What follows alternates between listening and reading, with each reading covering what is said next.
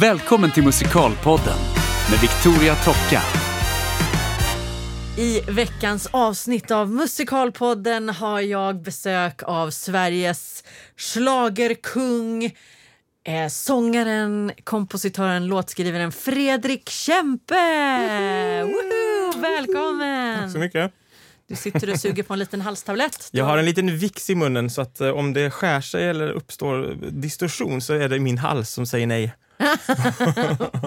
Ja, men alltså det är ju så himla mycket jag vill prata med dig om för du är ju från början sångare. Mm.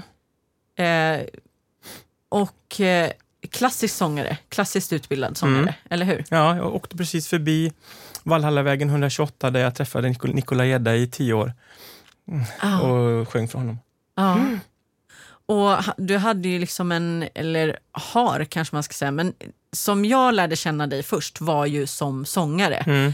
Eh, och jag tror att vi till och med gjorde en julgrej ihop, gjorde vi inte det? Skämtar du med mig? Jo, Är det sant? Jo, jag är, jo, nere i Göteborg någonstans så gjorde vi någon julshow ihop här Ja. för mig. Och Ja. du sjöng din Vincero. Woho! Ja, Woho! vad Ja. kul! Ja, det kommer inte du ihåg. Det intrycket lämnade jag på Fredrik Kempe. Nej då. Nej, det var väl snarast att det var... Nej, det, det, det tror jag inte. Nej, jag skojar bara. Men idag, identifierar du dig främst som låtskrivare och kompositör eller fortfarande som sångare också? Eh, jag kan nog säga att jag har aldrig någonsin identifierat mig som, i alla fall inte som artist. Nej. Möjligtvis som eh, sångare i, i mina bästa stunder, men väldigt sällan har det varit det som varit det viktigaste. Det absolut viktigaste för mig har alltid varit, sen jag var fyra år tror jag, att skriva låtar. Aha. Det har varit totala fokuset. Men sen har jag kunnat sjunga och det har varit jättekul på så många sätt. Jag har fått göra massa skojiga saker tack vare det. Ja. Och dessutom så slapp jag ju ta en massa risiga extrajobb, utan jag kunde ju sjunga så att säga, Ah, och ja. samtidigt utveckla eh, mitt låtskriveri. Ja, okej. Så jag har inte suttit eh, på ICA och, och sådär, utan jag har eh, kunnat sjunga i operakörer och massa andra saker mm, när jag var ung då så att säga, Ja. för att eh, fokusera på att skriva musik. Ja, men du har ju ändå gått eh, någon sångarutbildning vad jag förstår. Nej, ingen Inte? sångarutbildning. Nej. Men- Ja, ja, i och för sig, jag har ju gått kulturama. ja, kultura, drama. jag vet inte om det var en sångarutbildning, det var mer en dramatisk utbildning. Ja, okej. Eh, Men min, min utbildning fick jag ju utav Nikola Gedda helt klart. Eh, Sen så hade Men det jag... var mer privatlektioner? eller? Ja, absolut. Ja, Men ja. sen så har jag ju, hade jag, jag kunde sjunga liksom direkt när jag var, direkt från lådan. Ja, jag fattar. Eh, ganska ordentligt. Han trodde nog, eller nog, han trodde att jag hade gått musikhögskolan och sånt där när jag kom till honom. Jaha. Men det hade jag inte gjort utan jag hade ju läst till civilekonom i Karlstad på högskolan var det då, nu universitet. Ja. Och det var tack vare Hans Hjort och ehm, som var chef på Musikteatern i Värmland som det hette då. Ja. Och eh, ehm, en annan elev, eh, Kent Lundberg, som gick för Nikola Gedda som jag fick, helt plötsligt så hade jag ett meddelande på min telefonsvarare och då var det Nikola Gedda som pratade till mig så här att jaha, jag har ju hört då att, eh, att ni, sa han ju då, att ni sjunger, har kvar det, att ni sjunger väldigt fint så det skulle vara väldigt trevligt att få träffa er om ni kunde komma till Stockholm. vad Så då gjorde jag det Ja. eh, och blev hans elev och sånt där. Ja. Så det är den, eh, och det var ju såklart en fantastisk sångutbildning. Ja. Det går inte att få bättre än att få en utbildning från en världstenor som också har tänkt till så att säga. Mm. Var, han har jobbat, han jobbade jättemycket med sin röst ja. och hade ni, samma sånglärare eh, som Jussi Björling och, Ja. se, eh, eh, och sen hade han ju också en rysk lärarinna som heter Paula Novikova. Det var där han fick det här Zorizo, det här leendet som det kallas. Men eh, då har du egentligen inte haft någon jätteambition att bli artist själv utan det är låtskriveriet som alltid har hägrat. Ja, Ja. det är det nog banne mig. Alltså i mina svaga stunder eh, kan jag ibland så här känna att jag också behöver den där uppmärksamheten och det där. Det är därför jag tackar ja till att sitta i Idoljuryn, eh, vilket var helt eh, omotiverat egentligen. Och lite andra dumma grejer som jag gjort efter vägen. Annars har jag hållit mig ganska ordentligt med ett tydligt fokus på låtskriveriet. Ja, och jag har ju läst om dig eftersom jag har eh, gjort, eller försökt göra lite research här, att du beskriver dig själv som ensam varg. Mm. Ja. Absolut. Men jag menar, det kan ju jag också göra ibland. Mm. Alltså, jag har ju ett stort behov, eh, som de flesta artister, av att synas och höras. Men jag har ett minst lika stort behov av att få vara helt i fred. Mm. Eh, men eh, liksom, hur ser den balansen ut för dig? Jag är, och detta blir värre och värre. Jag blir mer och mer eremit eller ensamvarg. Ja. tror jag. Det, mycket för att det är mycket enklare. Alltså om, man, om man håller på med någonting som jag håller på med, som är väldigt internt, som är väldigt inom dig själv, Ja. då är det väldigt skönt om det är tyst på utsidan. Ja. Så att eh, jag, jag njuter av, varje gång jag sätter mig vid pianot eller, eller jag sätter mig och funderar på musik så är det en stor njutning så att säga. Ja.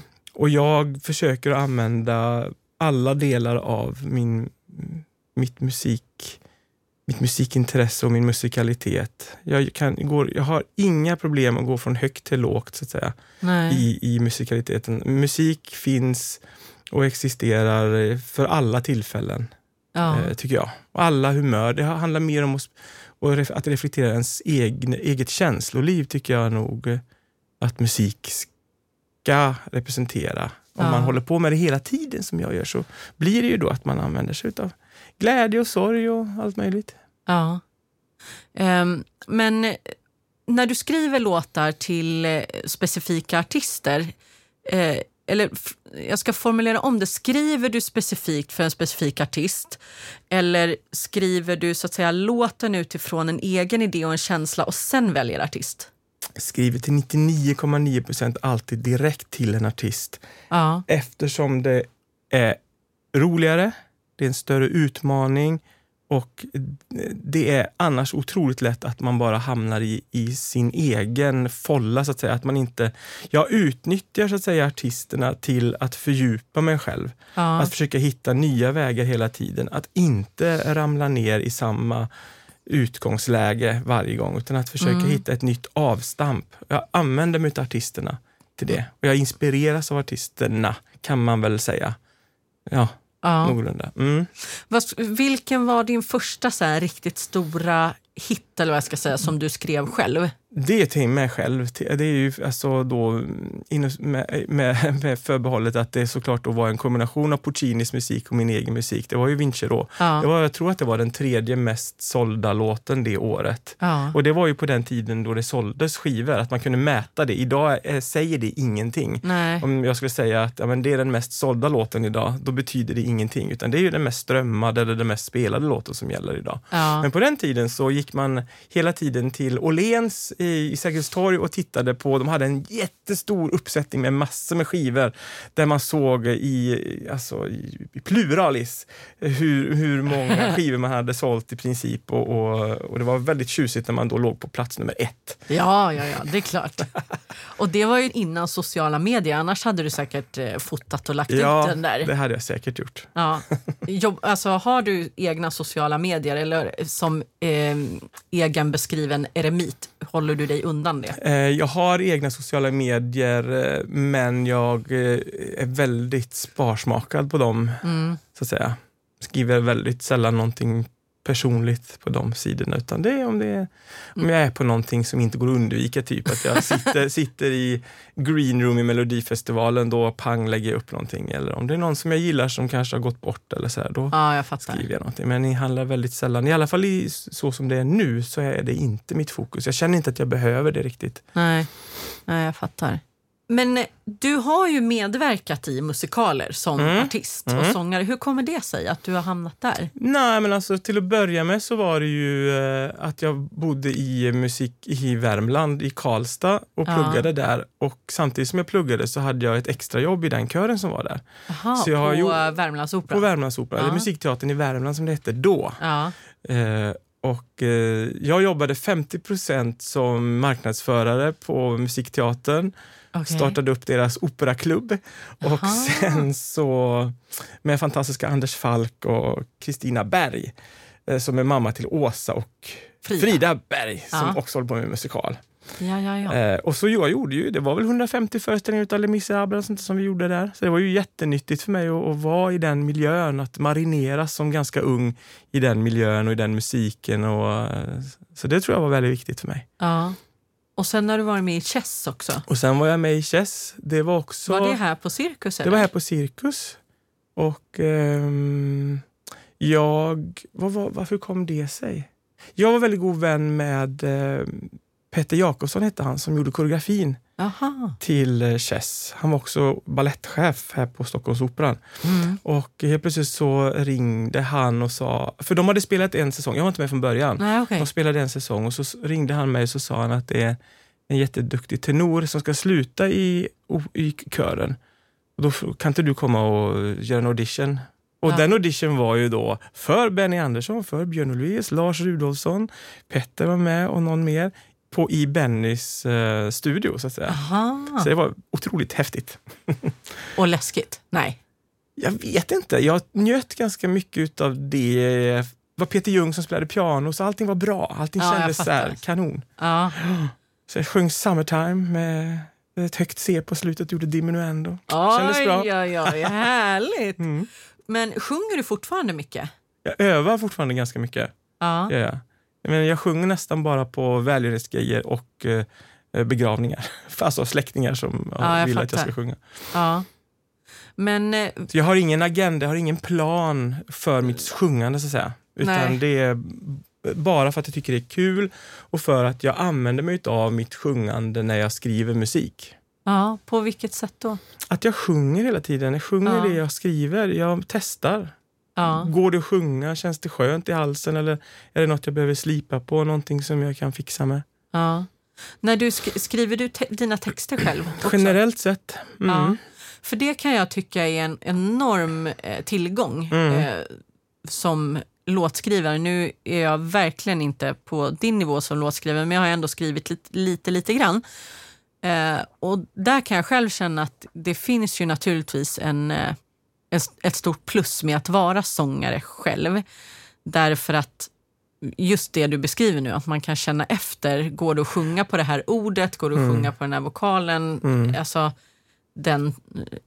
Ja, Det är mycket lättare att skriva färdigt en låt om man kan göra allt som har med låtskrivande att göra. ja, Och tyvärr tror jag att det finns väldigt, väldigt många fina låtar som ligger ofärdiga i mångas garderober och byrålådor. Eh, Min grej har nog alltid varit att jag har varit duktig på att skriva färdigt grejer. ja, Jag börjar skriva en låt, sen så gör jag den klar. ja, Sen skriver jag nästa låt. Alltså, det tror jag är ett väldigt... Det kan låta eh, självklart, ja. men jag tror inte det är det. Nej. Inte min erfarenhet av mina kollegor och kompisar så att det finns väldigt mycket bra grejer som aldrig blir färdiga. Vad tror du det beror på då? Därför att det är svårt. Det är svårt och kan man inte hela eh, linan skriva texten, förstå vad en bra text kanske är, förstå vad, vad, vad, vad, vad det är för funktion med det till melodin och allt där och göra det klart bara. Jag tror det är svårt att förklara varför, Ja, men ehm, det är min, jag tror att det är en, en korrekt uppfattning. Att det är många som har svårt att göra saker färdigt. Det kan Ja. behöva att det kommer in någon annan med något annat infall i det som gör att det blir klart. ja. Men eh, vad tänker du kring musikal som genre då, rent generellt? För att jag menar, du har ju jobbat med så många olika musikstilar och musikal kan ju vara allt från Mm. rock i eh, Jesus Christ Superstar till väldigt klassiskt i Phantom och, Mm. Och så. Men om jag säger så här, hur, vilken var din första, har du någon favoritmusikal? Eller var liksom, Alltså den musikalen som gjorde att jag blev intresserad, eller överhuvudtaget visste att det fanns något som hette musikal var ju såklart Chess. ja, För när jag är tio år då, eller lite drygt tio år, runt eh, 82 antar jag, Ja. den kom va, skivan, eller när kom den? ja, Något dåligt. sånt. Ja, I tio, mellan, om vi säger så, åldersspannet 10 till 13 Mm. så kommer då den här fantastiska skivan och musiken med Tommy Körberg mm, och, och, och sådär som gör att man inser, eh, som, jag, som gjorde att Ja. jag då insåg att det här är någonting som man kan hålla på med. Så det är klart att sen dess har det varit ett, en intressant variant av att skriva låtar. Jag gillar att skriva låtar som tillhör en helhet. ja, En större, en större ark så att säga. ja, Eh, Det känns mer meningsfullt än att skriva enstaka låtar. Och eh, jag har skrivit väldigt mycket enstaka låtar. ja. Därför tycker jag att nu när jag är lite äldre, tycker jag det är väldigt kul att få göra någonting som faktiskt fördjupar hantverket och som fördjupar eh, själva skapandet och så i mig. ja. Jag tycker om det. Jag Ja. gillar det. Har du tänkt så tidigare? Jag tänker om, för du pratar ju om att du skriver väldigt specifikt till artister och så. Mm. Har du skrivit eller producerat för någon artist där du liksom har gjort tänkt lite mer helhet, att du har fått skriva kanske fler låtar på ett album och haft någon, eller är det mer liksom enstaka låtar? Nej, absolut. Alltså, när man, på den tiden då man gjorde album så gjorde ju även jag album. Så att Ja, säga. Så ja. att, eh, jag menar, när jag skrev Karamia till Måns till exempel, då skrev jag ju också kanske hälften av de låtarna som var på den plattan. Ja. Samma sak med eh, Sarah Dawn Finer, Moving On, Malena Ernman, Lavoie. Mm. Du Nord gjorde jag ju alla låtarna på. Och sådär. Så att det var ju en period där man gjorde album. Det Ja. gör man ju inte så mycket idag. Nu Nej. gör man kanske en EP eller så. Men eh, Ja, och då kanske jag tycker att då kanske jag hellre gör en låt och så ja, jag fattar. håller jag på med mina musikaler istället. Ja, precis. Och den första som du skrev, som jag har koll på i alla fall, är Livet är en schlager. Mm. Stämmer det? Det är den första. Ja. Och hur kommer det sig att du liksom fick det uppdraget? Hur, hur hamnade du i att helt plötsligt liksom Ja, börja skriva? Eller förstår du, en hel Jag- musikal? Liksom? jag tror att det finns lite drama i många utav mina låtar.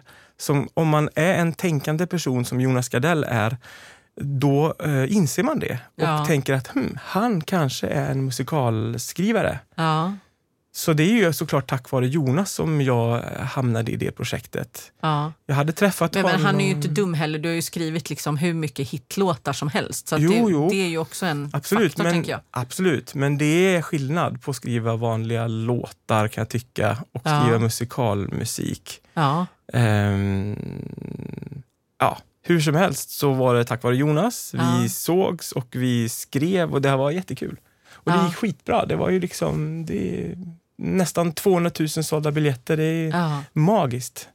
ja verkligen. Och få jobba då med Peter Jöback och få jobba med Helene Sjöholm. Alla de som är i den föreställningen var ju oerhört bra ja, tyckte jag och bidrog med väldigt, väldigt mycket. Och Ja. Jag lärde mig väldigt mycket på det. ja. Vad var den största lärdomen, tycker du? Att eh, våga lita på min intuition, att Ja. våga lita på att jag kan, att eh, ja, få mer självförtroende i att man kan ta steg bortom popmusik.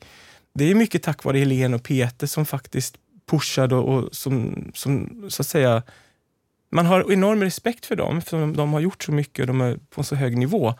Så att det var väldigt mycket fint från dem som gjorde att jag sen kunde gå vidare känner jag med mer självförtroende än innan. Ja, För att skriva låtar, precis som i sång, är oerhört mycket psykologi.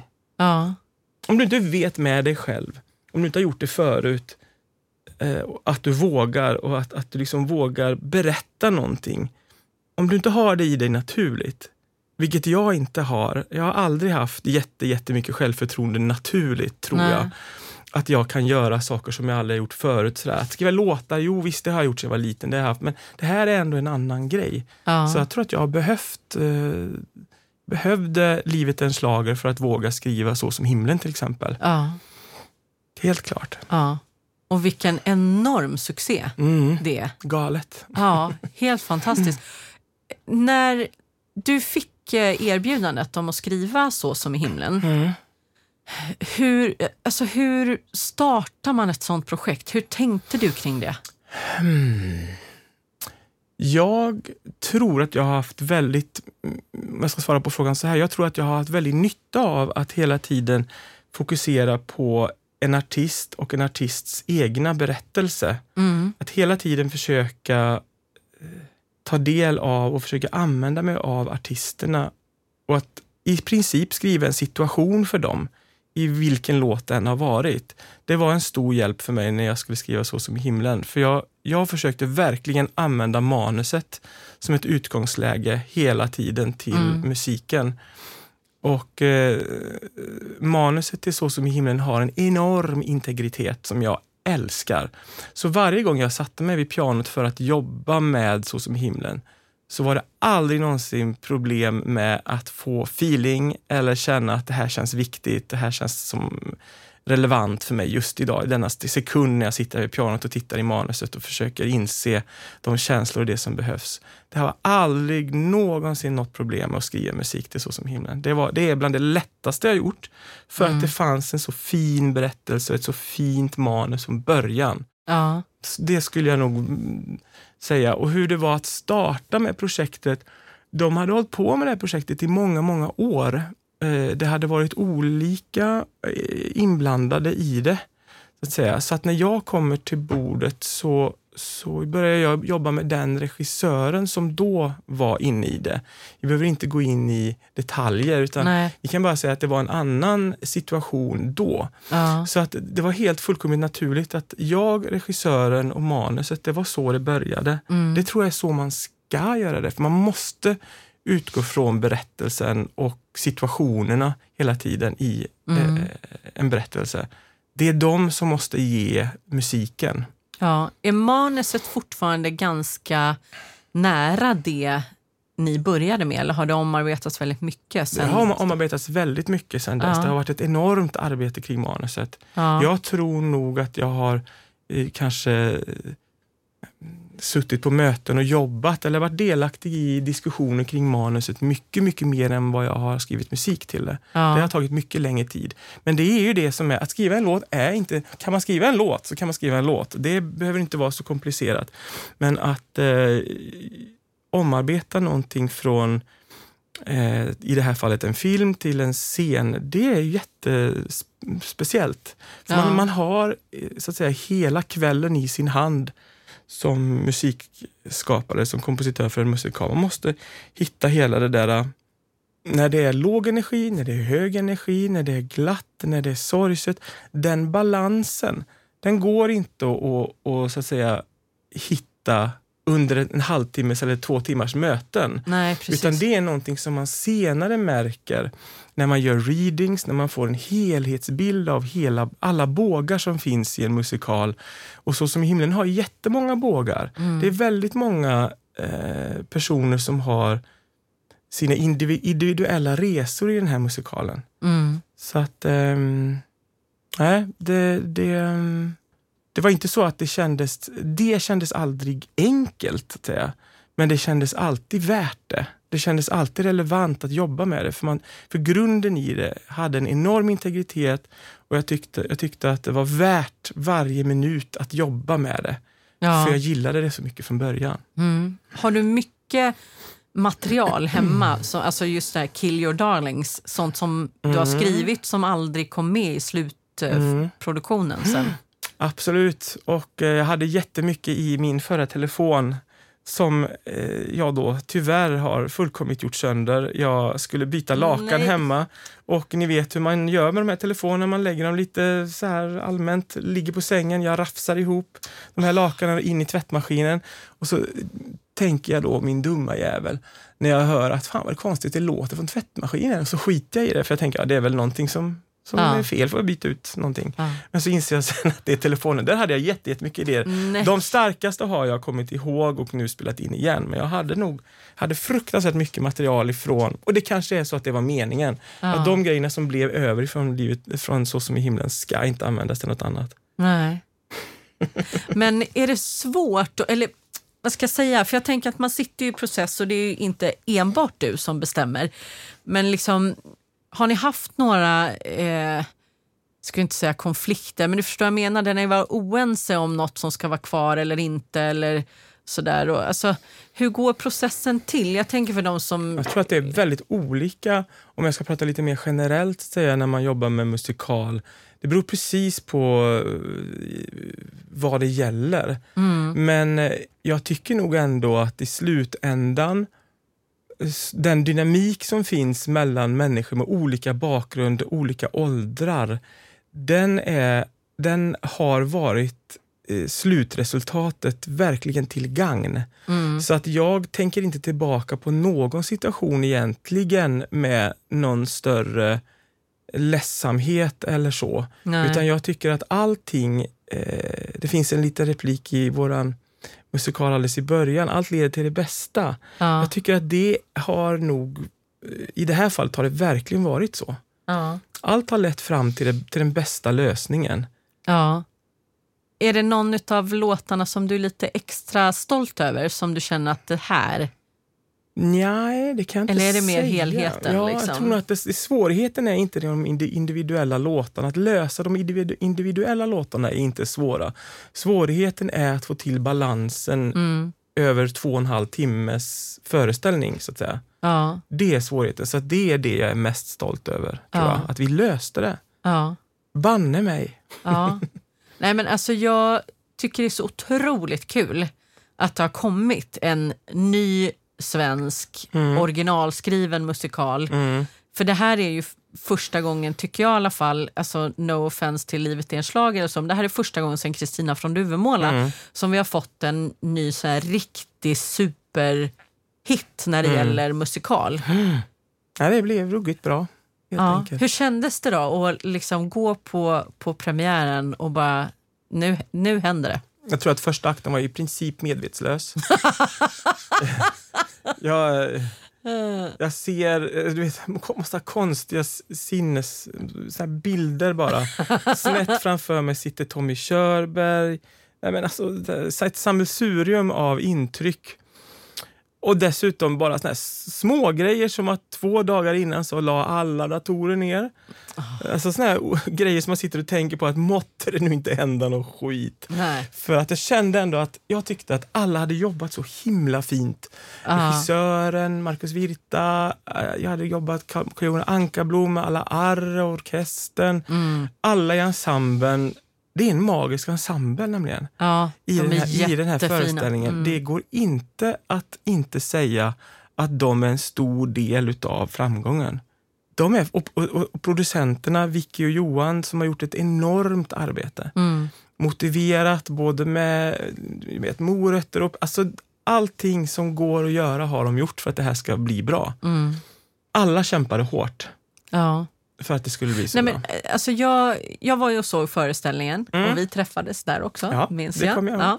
eh, nej, men, och, och en av de grejerna som verkligen slog mig med Så som i himlen är just eh, grupparbetet eller gruppkänslan. Mm. Att det är inte en stor stjärna som vi lyfter fram eller, utan det är liksom ensemblen. Det är en Mm. riktig ensembleföreställning där man ser, man, man får se väldigt mycket av många individer. Det är många som kliver fram och många som syns och, Mm. ehm, och hörs. Alltså det, det är en otroligt fin föreställning på det sättet. Och jag tänker, som sagt, när man sitter och skriver musik och sådär. alltså, för du har ju en stor del i det när du skriver. Att det inte, att inte liksom, vad ska jag säga, hitsen eller de stora låtarna enbart landar på det man skulle kunna uttala är då huvudrollen eller så, utan det finns ju, alltså, förstår jag tänker? Alltså att det, det, det är ju verkligen inte så här, här är låten. Eller här är, det finns ju flera liksom, stora låtar som man kommer ihåg som är mer hitlåtar kanske än andra, tänker jag. Men att det är ju liksom en... Nej, men alltså, en, av de mest populära låtarna är ju En sång till livet och det är en, verkligen en ensemblelåt. Ja, Och det är roligt att få skriva en låt där hela ensemblen är med och agerar och sjunger. Mm. Och man vet också att det här kommer, för det kände jag med en gång, alltså, att det här kommer smälla, den här kommer folk att gilla. ja, Och det är så, det är ju eh, vrål och rop och visslingar så fort den har gjorts varje kväll. ja, Eh, och sen använder jag ju också det temat. Eh, ett av de temana som finns i den låten blir också körens stora tema. Mm. Eh, och den är ju med redan i första akten. Eh, de har ju de här toningarna så att säga. När den här gemenskapen verkligen blir tydlig. Eh, när någon knackar på och får vara med. Då Ja. händer någonting magiskt mellan de här människorna i föreställningen. Och den använder vi ju kanske vid fyra tillfällen tror jag i musikalen och den avslutar hela musikalen. Mm. Och den finns också med i En sång till livet. Och det, det är ju såklart eh, det är ju såklart lite listigt men det föll sig helt naturligt ja, av någon konstig anledning. ja. Så mm, inte bara skicklighet, det är mycket hu- tur också.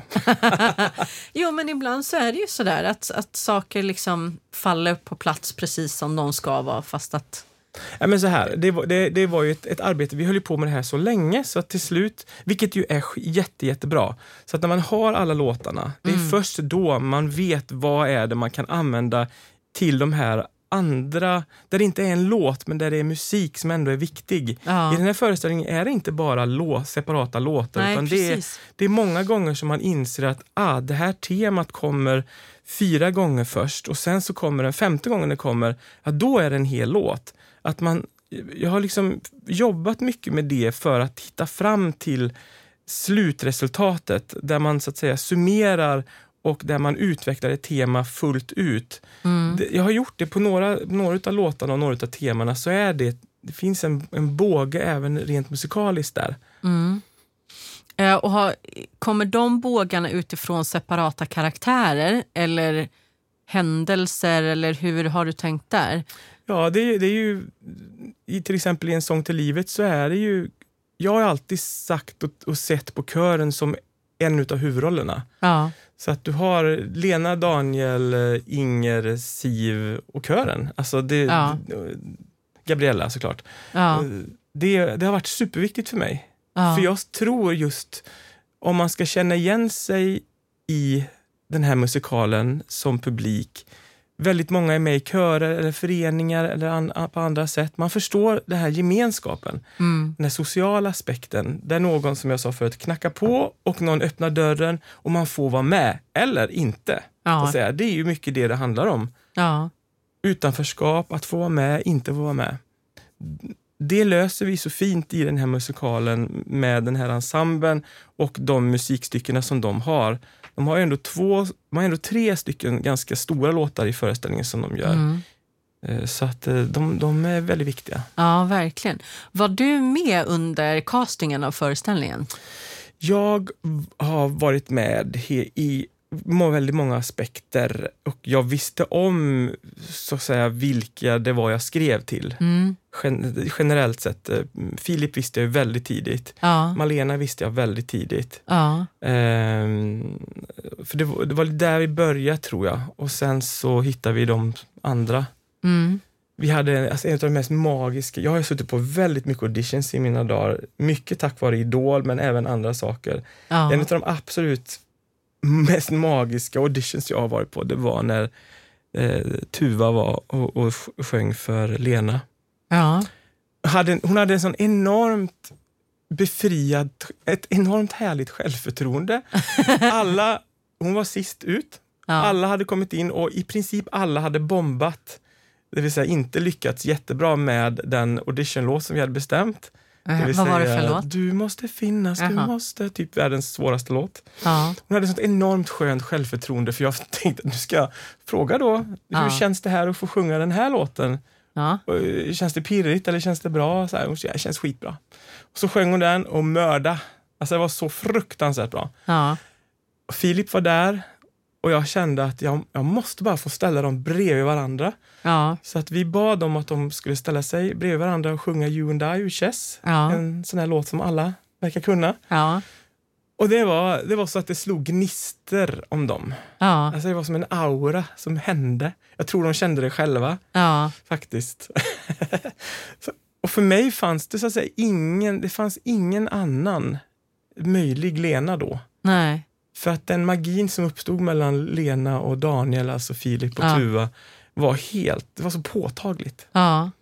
Häftigt ha fått Sen- vara med om det. Ja, ändå. verkligen. Sen har jag inte varit med och tagit ut vissa utav grejerna för att vi hamnade i ett läge där vi, trots att vi hade väldigt mycket tid, så hade vi väldigt ont om tid. Okej. Och jag var tvungen att sitta och skriva om grejer och jobba fram med andra saker. Så att för mig, jag var med i de stora rollerna, jag visste vilka beslut som skulle tas. Mm. Och vissa kände jag sedan tidigare. Så att säga. Mm. Mm. Eh, Sara Youngfeldt och jag till exempel, vi var ju med i Chess. Vi gjorde några hundra föreställningar på Ja. Cirkus.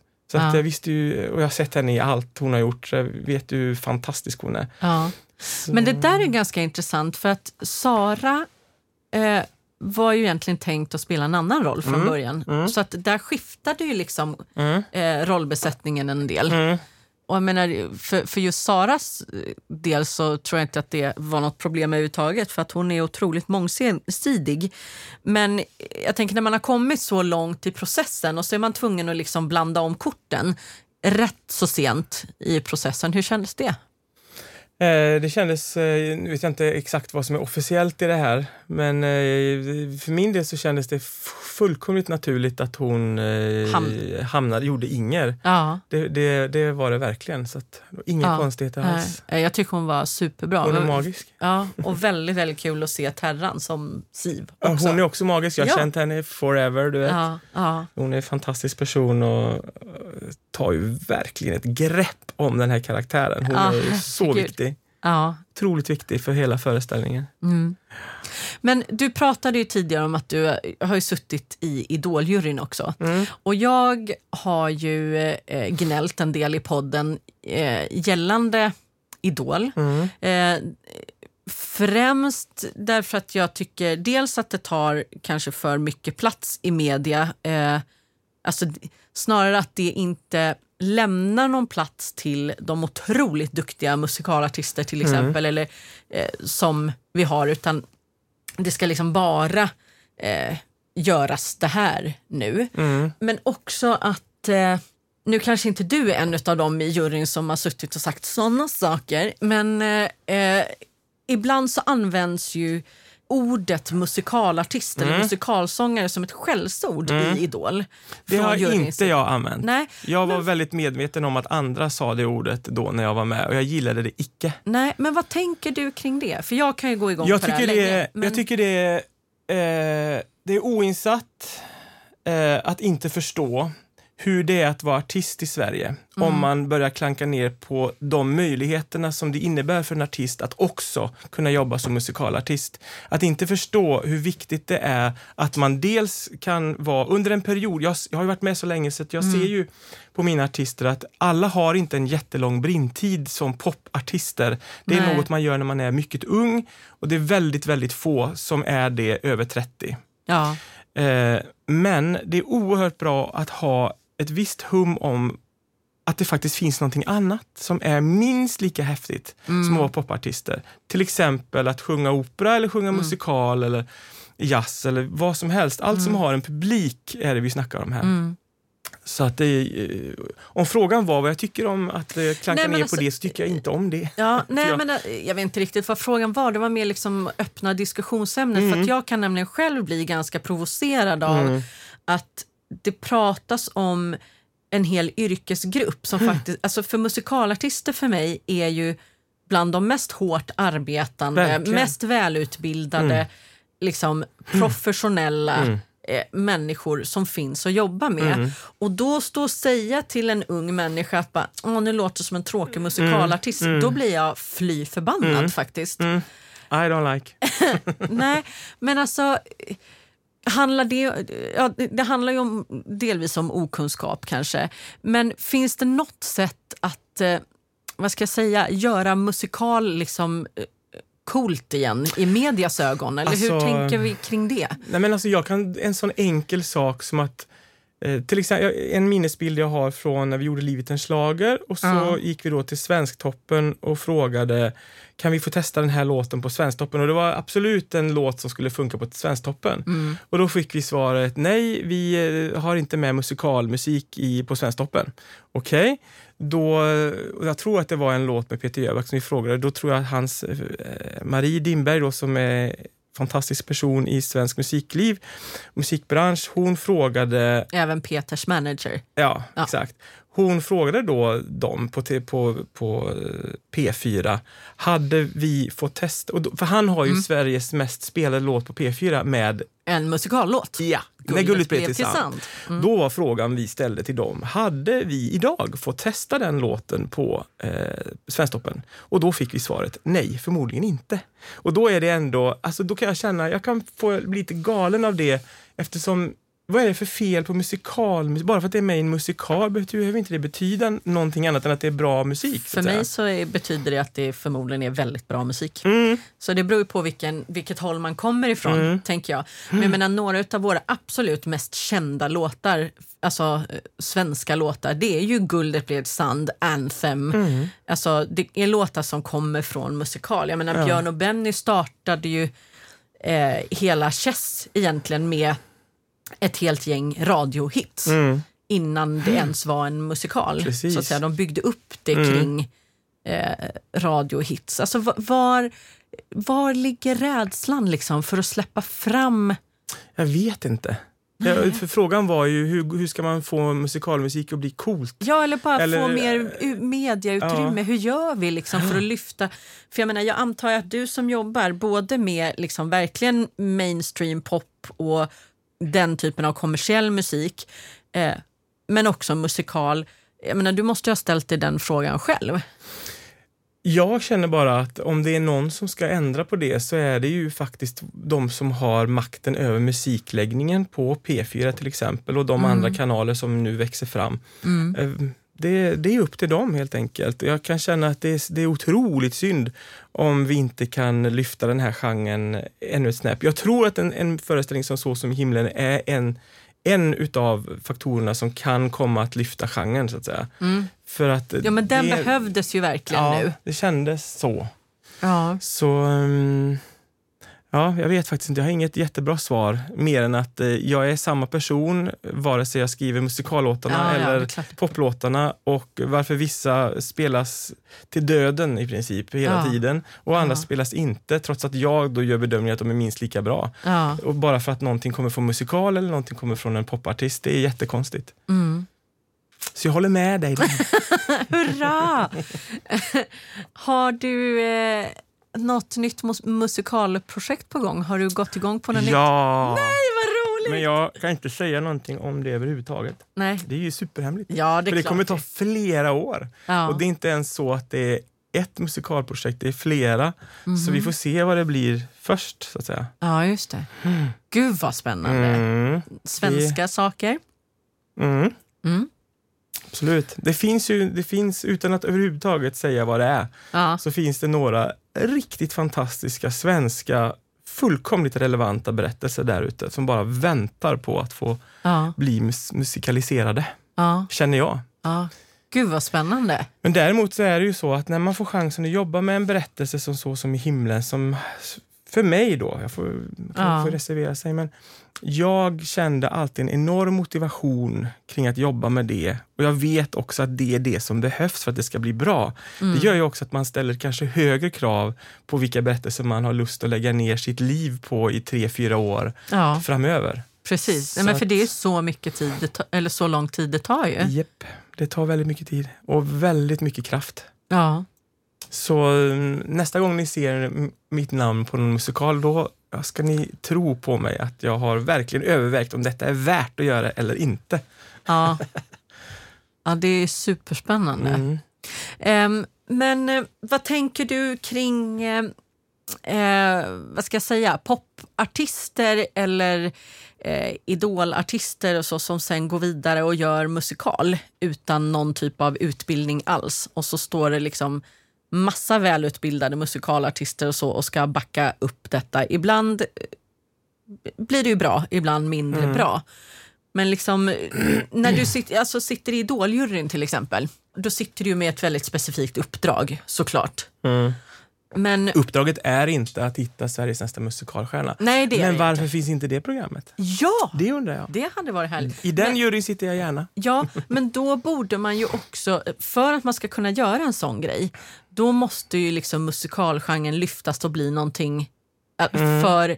För grejen är den att jag tror ju att intresset ute i landet finns. Oh ja. Alltså, jag menar, jag drar upp det gång på gång på gång men jag menar, det var ju ingen som trodde på Från Broadway till Duvemåla och att jag skulle göra den här grejen för att jag hade inte de stora affischnamnen. Mm. Eh, och det har ju visat sig att det har gått alldeles utmärkt. Jag menar, det har inte varit en enkel resa. Mm. Jag, menar, jag säger inte att jag inte har jobbat som en dåre, mm. men jag bara menar att det har ju ändå visat att musikalintresset ute i Sverige mm. lever ju i allra högsta grad. Mm. Ehm, och vi träffar folk efter föreställningarna som liksom eh, ja, men dels tycker att det här är fantastiskt men som också eh, åker utomlands för att titta Mm. på musikal därför att de kanske inte alltid upplever att det finns det utbudet som finns på West End eller i Nej. New York. Men samtidigt så känner jag att vi har ju absolut minst lika hög kvalitet på våra musikalartister idag som finns på West End och Broadway. Då är vi tillbaka i och för sig på den här rutan där, hur lyfter vi det i media så att det blir, blir mer intressant. Det har gjorts en par sådana försök med tv-program för typ 10-12 år sedan. Ja, Det ena var ett eh, program som jag själv var med i, som inte, jag var inte så nöjd med det, men som hette West End Star som gick Mm. på TV3. Då var det i och för sig ihopkopplat med att de sökte en specifik roll till en föreställning i London. Så Ja, att de hade gjort det. en grej av det. Nina Söderqvist. Hon vann där, Ja. precis. Och sen var det väl bara en, par år senare så gjorde de eh, eh, Jakten på Julia på SVT. Just det, med Morgan Alling ja. Det, Men då hade man sant. liksom mer en så specifik Mm. eh, jag, kan, jag kan tycka att det är, en, det är ett ganska fiffigt sätt att göra det på. Mm. Sen gäller det väl att få till balansen i alla... Det är så många, I ett realityformat så finns det ju... Och om man skapar någonting från grunden. ja. De här färdiga formaten som vi får hit, typ Idol och X-Factor, de har Mm. ju experimenterats fram under otroligt lång tid och med mycket, mycket stora resurser. Mm. Jag vet inte om det finns något bra... Det finns ju eh, alltså varianter i England. De letade ju efter Mary Poppins med Andrew Lloyd Webber och allt det här. Det Ja, finns ju precis. andra så, liksom format. Men då kanske man måste bygga upp det kring... Skulle du vara öppen för ett sånt, eh, sånt koncept kring din nya musikal? Ja, varför inte Mm. faktiskt. Typ hitta Sveriges nya musikalstjärnor eller Där, något sånt där. Mycket, slags... mycket därför att det är så enormt svårt att som vi säger då, breaka en ny artist generellt sett, men att breaka en ny musikalstjärna så att säga. Mm. Att, att ta fram en ny Peter Jöback eller Helen Sjöholm, det är ju så enormt svårt. Ja, för att de inte släpper fram någon ju. Ja, därför att det, även, om det kommer, även om folk får chansen att göra grejer så är det svårt att få ett genomslag i media. Det var kanske det du menar. Ja. Men jag menar, där, i deras fall så hade vi ju våra två så här, kungar av musik, alltså Björn och Benny. De var så starka så att de kunde, tillsammans då såklart med att de- var extremt bra, Peter och Helen. Men Ja. de var nästan så att de blev krönta utav dem Precis. lite grann. Mm. För det där har jag också tänkt på lite grann. Och jag undrar om det har med svenska jante att göra. Att det, inte, nej men inte just en grej, men eh, det jag är ute efter är att i Sverige så upplever jag att det är oerhört fint när någon annan säger att du är bra. Eller så här, jag har val, eller de har valt den här personen. Den här liksom, Precis som du säger, då blev de lite så här dubbade till riddare och eh, Men prinsessa Jussi Björling blev liksom. inte Jussi Björling för han gjorde ett jättestort, eh, jättestor succé i Danmark på tivoli och såna här saker när han sjöng där. Eh, man, vi är, där kanske vi är lite tröga, att vi inte alltid ser hur bra folk är i bara genom att se det i en svensk kontext. Man behöver se folk lyckas utomlands Mm. först. Och sen så känner vi att ah, det där var ju magiskt. Ja. Fast inom musikal verkar inte det funka. Nej, det kanske är så. Alltså bara, Nej. hallå, jag Men- men räcker det- upp handen här Ja, lite. Men, jo, i och för sig, men det är ju det att man, det är svårt att bli musikalstjärna i West End också. mm, Det är jättesvårt. Det ska till en ny, ny eh, musikal av någon magisk människa och eh, precis i rätt tid, i rätt plats Jo, så får, eh, vad heter hon, Elaine Page får rollen i Vita och så händer någonting. Jag menar, Mm. hur många sådana genombrott har vi sett? Inte så många. nej, det är sant faktiskt. Så att det, det, är en, det är en lurig genre att breaka Mm. artister i, kanske. Också. Det kanske ligger i, någonstans ligger det i dess natur. Att Ja. det, det, det är svårt. Ja. Jag pratar ju med väldigt mycket olika musikalartister, främst Mm. i Musikalpodden. Men även, eh, du, jag tror att du är min första kompositör faktiskt. Wow. Fasen vad härligt. Ja, jag pratar med Karl Johan som arrangerar och sådär. Ehm, och, och det som går som någon slags röd tråd när man pratar med eh, musikalartisterna främst, det är ju det här, ehm, i alla fall för de som har hållit på länge och jobbat länge, att det krävs ett enormt eget driv eh, för att hålla eh, och, och leva på det här och, och jobba liksom under många år. Och man får bredda sig och göra många olika saker och sådär. Ehm, hur tänker du kring... Alltså jag tänker att det, det, är väl ungefär samma då som låtskrivare, att man skriver liksom i många, många olika genrer. Um. Eh, jag vet inte hur vanligt det är att man gör det. Jag vet bara att jag gör det. Ja. Jag gillar det. Eh, men jag brukar, då går jag oftast tillbaka ända till från början i hur det kom sig att jag började liksom skriva låtar hela tiden. Ja. Jag hade en, I min lilla hemby Vårgårda i Västergötland så fanns det en fantastisk kantor som hette Anders Johammar. Ja. Eh, och han eh, insåg att eh, när jag kom till hans piano, om man var med i en liten kör, ja. i kyrkokören typ, eller barnens, kyrkans barnkör typ, då fick man också gratis pianolektioner. Aha. Så att jag gick dit, han insåg att den här killen tittar ju inte på noter, utan han har ju bara hört vad jag spelat och så kunde jag spela direkt efter vad han hade spelat. Aha. Så han insåg ju då att det kanske finns någonting annat som kan få den här lilla människan att uh, utvecklas. Så han gav ju mig då läxa att skriva en låt till varje lektion istället. Aha. Eh, skriv en blueslåt till nästa låt, skriv en eh, låt som har lite med Beatles att göra, skriv en låt som har någonting med Bach att göra eller något sånt där. Aha. Vilket ju gjorde då att jag fick göra lite research varje vecka, förstå Aha. vad det här var. Eh, och eh, där tror jag att man har det. Det var där jag insåg att jag tyckte det var skitkul att skriva i olika genrer. Och det är inte att kompromissa med den inre integriteten kring musik, utan det är bara olika så att säga, kostymer på äkta känslor in i musiken, om man ja. får säga så. Ja. Eh, så för min del så har det varit jättenaturligt att skriva i olika genrer, för det var ja. så jag lärde mig att man skulle göra. Ja, jag fattar. Typ. Gud vad spännande det låter. Vad hette mm. han? Den här Anders Johammar. Anders, ja. Mm. Men vilken fantastisk människa mm. som också liksom... Det är det. Det finns många fina där ute. Ja, det gör det sannoliken. Det gäller bara att hitta dem i rätt ögonblick. Ja.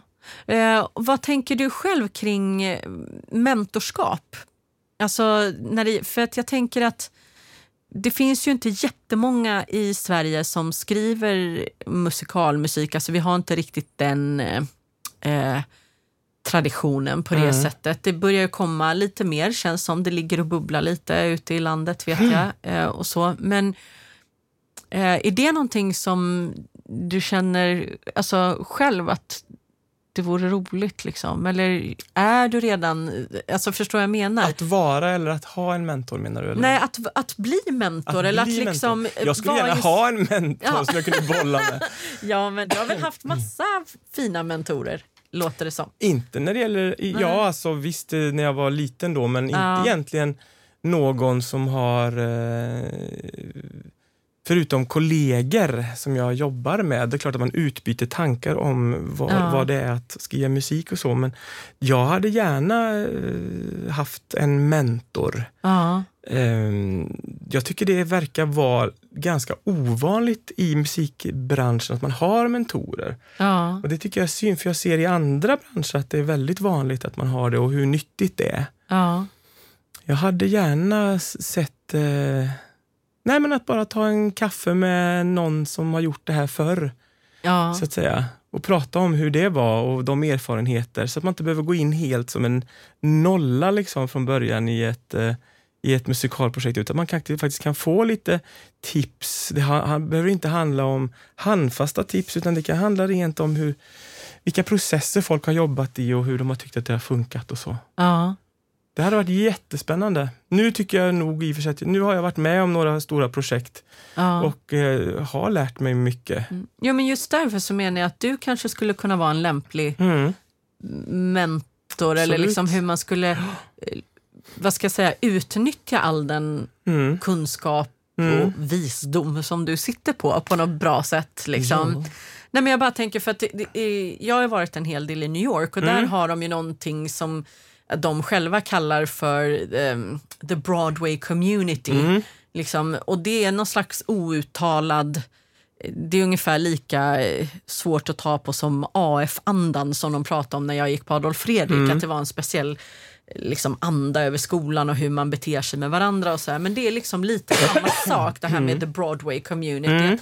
Det liksom, de hjälper varandra och det finns någon slags skön känsla i det där. Mm. Jag menar, naturligtvis så, jag menar, det är konkurrens och hej och men det finns ändå någon slags grundinställning om att de jobbar tillsammans på ett sätt och är liksom mentorer åt varandra Mm. åt olika håll. Så, alltså, och vi kanske är på väg ditåt lite i Sverige. Alltså vi är ju fortfarande ganska, en ganska ung eh, Ja. musikalnation på det sättet. Jag pratade ju ehm, tidigare med Kalle Dajal om det där till exempel. Att han och, och, och liksom, som jag ser i alla fall, som är generationen yngre än Kalle och, och Petra Nilsen och Peter Jöback. Och, de var ju på något sätt första generationen där man använde titeln eller ordet musikalartist. Innan dess, eh, vi har ju haft liksom eh, em, musikalartister eller liksom multibegåvade scenkonstnärer tidigare, Jan Malmsjö, Ja. alltså många så här, som har gjort många olika saker, men man har aldrig kallat dem för musikalartist. Vi hade väl någon slags läge där vi gjorde mycket operett i Sverige. Ja, Så, precis. säga. så det, var, det var väl våran, första svängen av, av det. Mm. Och sen gick det liksom över där någon gång på 80 eh, 80-90-talet och började i alla fall kallas för musikalartist. Liksom. Och det är ju de som är på något sätt eh, har gått med liksom eh, facklan längst fram och banat lite väg. Så, och jag tänker att du är ju en utav det är typ Björn och Benny och sen Fredrik Kempe som skriver svenska musikaler. Så att du är ju liksom Mm. Jo, jo, kronprinsen här. Ja. Eller? Nej, jag har ingen aning. Det är jag, du ju. tänker, att, ja, jag tänker inte på det överhuvudtaget. Man tänker ju alltid bara på uppgifter man har. Men absolut, jag har lärt mig mycket av de senaste åren i den här genren såklart. För man, Men du tänker man är- liksom aldrig på den alltså, jag- påverkan du kommer ha på en massa unga människor som vill skriva musikal nu? Nej, det, Ja, men det, du är alltså Björn och Benny mm, och Fredrik de är nog Kempe. lite på en annan planet känner jag. Men ja, fast absolut. du är ju på väg dit. Absolut. Ni jag kan har, bo på samma jag har precis börjat ska jag säga. Jag, Ja, jag det. tänker inte ge mig. Nej, men absolut. Jag bara, det, det är väl kanske så att jag är lite för ung för att känna att jag eh, kan ta jättemycket ansvar över andras liv så att säga. Ja, det var Men, det jag eh, menade. Men... för, för grejen är att det det handlar om, och där tror jag är en viktig grej, det är att det handlar oerhört mycket om den, det egna jaget, det egna, den rösten du har inom dig själv. Ja, Ibland viskar den, ibland skriker den. ja. När den viskar så är det jättesvårt att uppfatta och veta hur man ska skriva och var man ska ta vägen. Och, men ibland så är det väldigt lätt och det är som att någon skriker en låt i huvudet. Man kan vakna i sömnen ibland och så, så tänker man att jag måste gå till pianot för nu har jag någonting på gång här. Ja. Så det är så olika hur det går till. Men man måste odla en enorm individualism för att eh, skriva eget, så att säga. Ja. Det, för det är det som är det viktigaste. Att du skriver utifrån dig själv hela tiden. Eh, det är svårt att förklara vad jag menar riktigt, men det, det är en... Att vara originell är Ja. allt, så att säga, när man Ja. skriver. Eh, och det kan uppfattas mer eller mindre originellt säkert, men jag brukar säga att om man börjar med, om ni tänker att ni ska blanda ett glas med saft och så har ni den här koncentratet i botten. ja. Den måste vara oerhört stark, det vill säga den första lilla låtidén, den första lilla tanken kring låten måste vara den måste vara, om ni tänker jordgubbssaft, så måste den vara så blodröd. För sen händer det grejer när man lägger till arr, det kommer till några andra idéer, någon sjunger utifrån sin egen känsla. Mm. Om det där koncentratet i botten inte är tillräckligt starkt, då kommer det här vattnet som sen hälls på av alla andra som sen kommer jobba med låten, göra att låten bara blir blaskig och tråkig i slutändan. Ja. Man måste ha så mycket personlighet i grundidén till en låt eh, så att det bär och klarar av att arras upp, att produceras, att läggas fel baskagge på, att det kommer in en löjlig hi-hat efter ett tag. Alla de där grejerna får inte förstöra låten och det, då krävs det att den här ursprungsidén är oerhört koncentrerad. ja. Och enk, enkel är fel ord, men eh, absolut enkel är ett lätt ord att använda för det. Det måste vara tydligt snarast, det som är i botten. ja. Jag vet inte vad jag svarade på för fråga, men jag, jag heller, fick men det feeling. lät Jag fick- oerhört jag fick, klokt. Jag fick så mycket feeling så nu tar jag lite Vicks här. Ja, nej, men med de oerhört kloka orden eh, och ett enormt stort tack för att du ville komma och prata med mig och vädra alla de här urspännande grejerna i Musikalpodden så tackar jag tusen gånger eh, Fredrik Kempe för ett superfint samtal. Tack snälla för att du ville komma. Tack så mycket. Musikalpodden med Victoria Tocka.